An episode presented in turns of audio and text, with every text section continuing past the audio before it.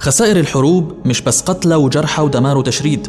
خسائر الحروب مشاعر أهل فقدوا أحد أفراد أسرتهم ومعاناة مصاب خسر عضو من جسمه ما بالإمكان عوضه وتعب سنين أصبح ركام ولا يمكن إصلاحه.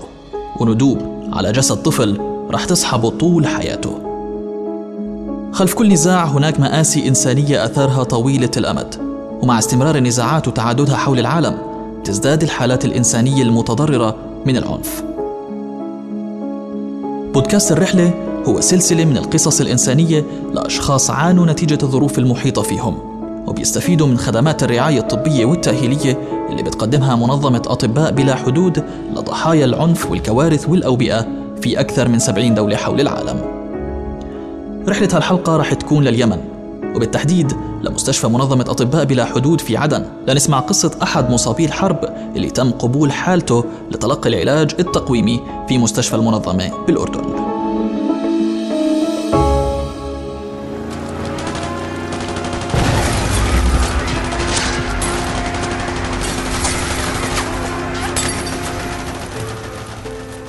محمد حسين البالغ من العمر 30 سنة. تعرض لإصابة عام 2016 خلال أحد المعارك اللي كان جزء منها. إصابتي طلق ناري في القدم اليمنى. واليد اليسرى صوبت بعملية انقاذ صديق لي. دخلنا شي ننقذه واصطوبنا جنبه.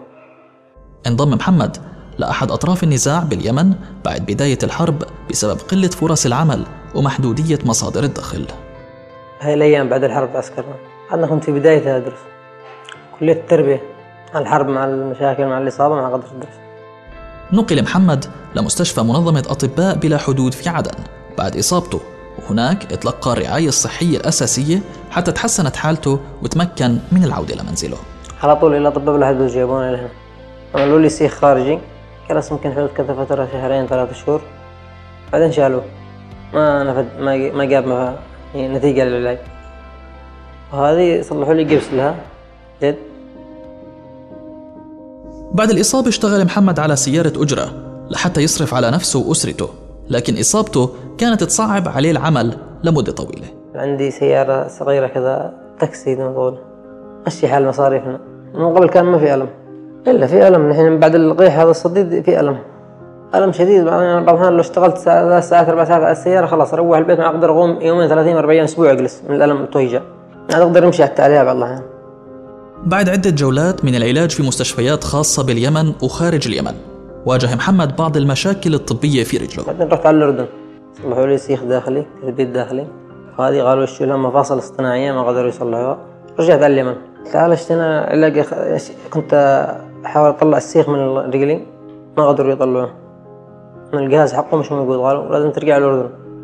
رجلي كلها مصدية صدى قيح هذا الكلام خبروني دكاترة خاصين هم اللي خبروني الكلام أعطوني تقارير وسجلوا لي كل شيء. رجع محمد حسين لمنظمة أطباء بلا حدود على أمل إنهم يجدوا له حل للمضاعفات اللي حصلت برجله. عمل التقارير وكل شيء وقال لي كل حاجة وقال لي خلاص إن شاء الله بنرد لك خبر على السفر للأردن. ورسل العلاج للأردن الدكاترة هناك يعرضوا حالتي وكل شيء بيعرفوا وقال هالجواب إنهم قادرين يعني العلاج. تابع لي واتصلت فيه قال خلاص تعال ونتابع لك أعطينا جوازك عشان نعمل لك على التأشيرة والفيزا و... رد لي الخبر قال لي خلاص سفريتك بتكون إن شاء الله تاريخ 23 قبل السفر ما كان محمد متفائل بوجود علاج لحالته خاصة إنه تجاربه السابقة ما أدت لنتيجة. متفائلين بشيء ولا شيء لأن نصيب نحصله هنا. إن شاء الله إنه يكون في علاج. لأن من قبل لي هنا أكثر من سنة سنتين هم يعملوا لي عمليات عملت ثلاث عمليات هنا في مستشفيات خاصة. حاولوا يطالعوا. السيخ ما قدروا يطالعوه يعني ثلاث عمليات كلها ف... ما نفعت في شيء. على خلاف محمد كانت شايفة الدكتورة ميادة الشيخ مسؤولة العلاقات الطبية في منظمة أطباء بلا حدود عدن إنه حالته يمكن علاجها في مستشفى المواساة بعمان. كونها شهدت على تحويل حالات عديدة صعبة ونجح الطاقم الطبي في المستشفى بالتعامل معها. بعد وصوله إلى عندنا آه، وعرض الحالة على الجراحين وموافقة عليها. أنا أتوقع إن شاء الله أنه أول شيء بيعالج الالتهاب. آه، كون أنه ال internal fixation اللي عمل له يحتاج إلى أدوات خاصة لاستخراجه وهي غير موجودة أصلا في اليمن. فأتوقع أنه إن شاء الله بتتحسن حالته كثير. استقبل مستشفى المواساة 580 حالة في السنة الماضية لوحدها من بينها 169 حالة من اليمن. فيما استقبل المستشفى من بداية افتتاحه في العام 2006 أكثر من 4500 حالة وأجريت فيه أكثر من 10000 عملية جراحية. وبسبب صعوبة توفير العلاج المناسب لحالات معقدة في بلدان مثل اليمن بيتم تحويلهم لمستشفى المواساة في عمان. آه، أولا هي very complicated cases.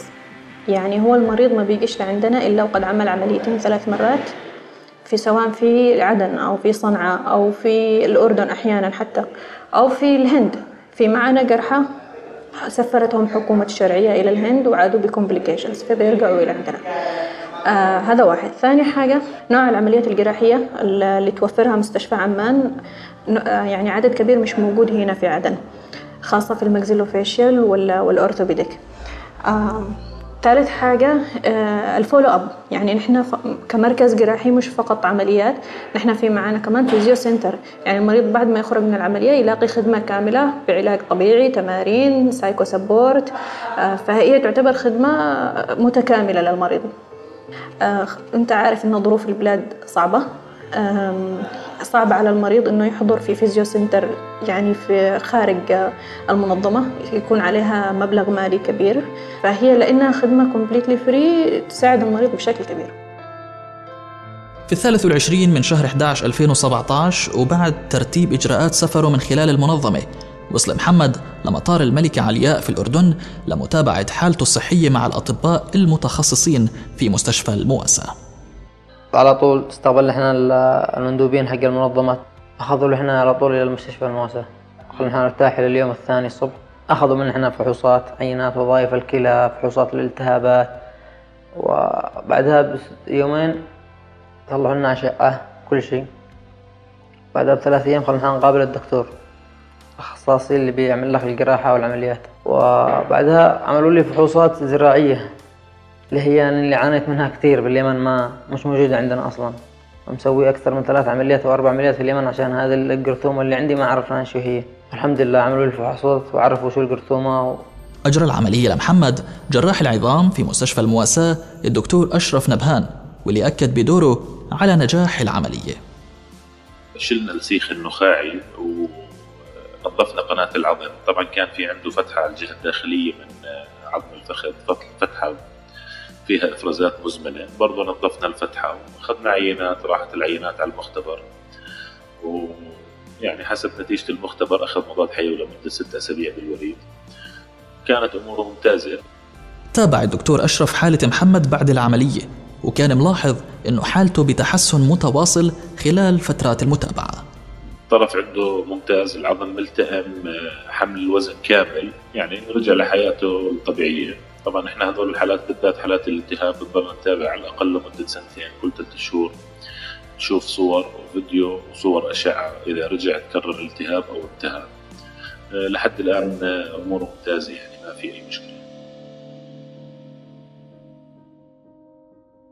بعد إجراء العملية أحس محمد بفرق أثر بشكل مباشر على حياته اليومية وصار في تطور سريع بمرحلة التعافي. عندي جرح كان مفتوح بيطلع أوساخ من الجرثومة الحين الجرح كله مسكر الحمد لله ما في أوساخ تطلع بالخالص. أنا كنت بحس بآلام من قبل ما أقدر أمشي كنت أمشي على عكاز شوية كذا الحين أمشي طبيعي الحمد لله. ما عم أستعمل أي عكاز ويمشي بيجري بعد. ما في أي آلام ولا في أي مضاعفات. قبل العملية أكيد كان عندي مضاعفات عندي آلام عندي كل شيء. بدون أي شيء كانت تورم علي الرجل كذا بتفوخ. من الألم من الجرثومة اللي داخل الالتهاب اللي في العظم نفسه.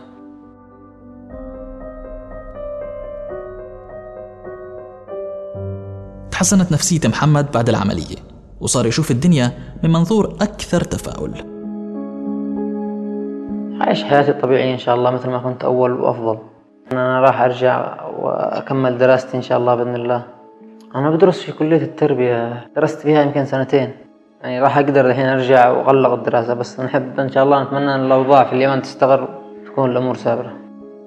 ما كان بيعرف محمد المدة اللي راح يبقاها بالأردن. لهيك حاول يجيب معه الأشياء اللي متعود عليها باليمن. جبت وجبات خفيفة معايا من اليمن وجبات يمنية. جبت الكعك اللي إحنا نسميه الكعك في اليمن. جبت عسل برضو. إيه، وجبت هذه اللي يسموها الحلاوة اللي إحنا نسميها حلاوة الهريسة و... لأنها ما هي موجودة هنا في الأردن في عمان ما نحصلها. بس أنا راح أشتاق لها. لأن هناك على طول بناكلها يوميا باستمرار وجبات يومية عندنا. كان الهدف من إنشاء مستشفى المواساة سنة 2006 هو معالجة ضحايا الحرب من العراقيين إلا أنه مع اندلاع أعمال العنف في أجزاء أخرى من المنطقة كالحرب على غزة عام 2008 وأحداث الربيع العربي في 2011 بدأ المستشفى بقبول مرضى من سوريا وليبيا وفلسطين واليمن. وبيبقى المرضى المحولين من البلدان المجاورة تحت الرعاية الطبية المتكاملة لحتى يتم التأكد من أنه حالتهم مش بحاجة إلى سوى متابعات بسيطة. ولهيك ممكن يبقوا في المستشفى لفترات بتوصل لسنة كاملة. والله مشتاق والله الشهرين هذه اللي جالس فيها هون كأنها عندي ألفين عام. أهلي مشتاق لأهلي أروح أقعد عندهم شوية. قررت منظمة أطباء بلا حدود في 2017 إنشاء مختبر أحياء دقيقة في عدن باليمن يحاكي المختبر الموجود في مستشفى المواساة بعد اكتشاف ارتفاع في حالات العدوى البكتيرية المقاومة للمضادات الحيوية بهدف السيطرة على العدوى في مراحلها الأولى وعلاج حالات مثل حالة محمد. رجع محمد على اليمن بعد رحلة علاجية استمرت قرابة الأربع أشهر في الأردن. لكن رحلة المتابعة ما راح تنتهي إلا بعد التأكد من انتهاء الالتهاب بشكل كامل. ولهيك راح يواصل مراجعاته الطبية مع طاقم المنظمة في مستشفى عدن. كنا معكم في هذه الحلقة من الإعداد والتقديم إيهاب زواتي ومن الإشراف الفني غسان سمارة. تابعونا على الفيسبوك وإنستغرام لتعرفوا أكثر عن الحلقات القادمة.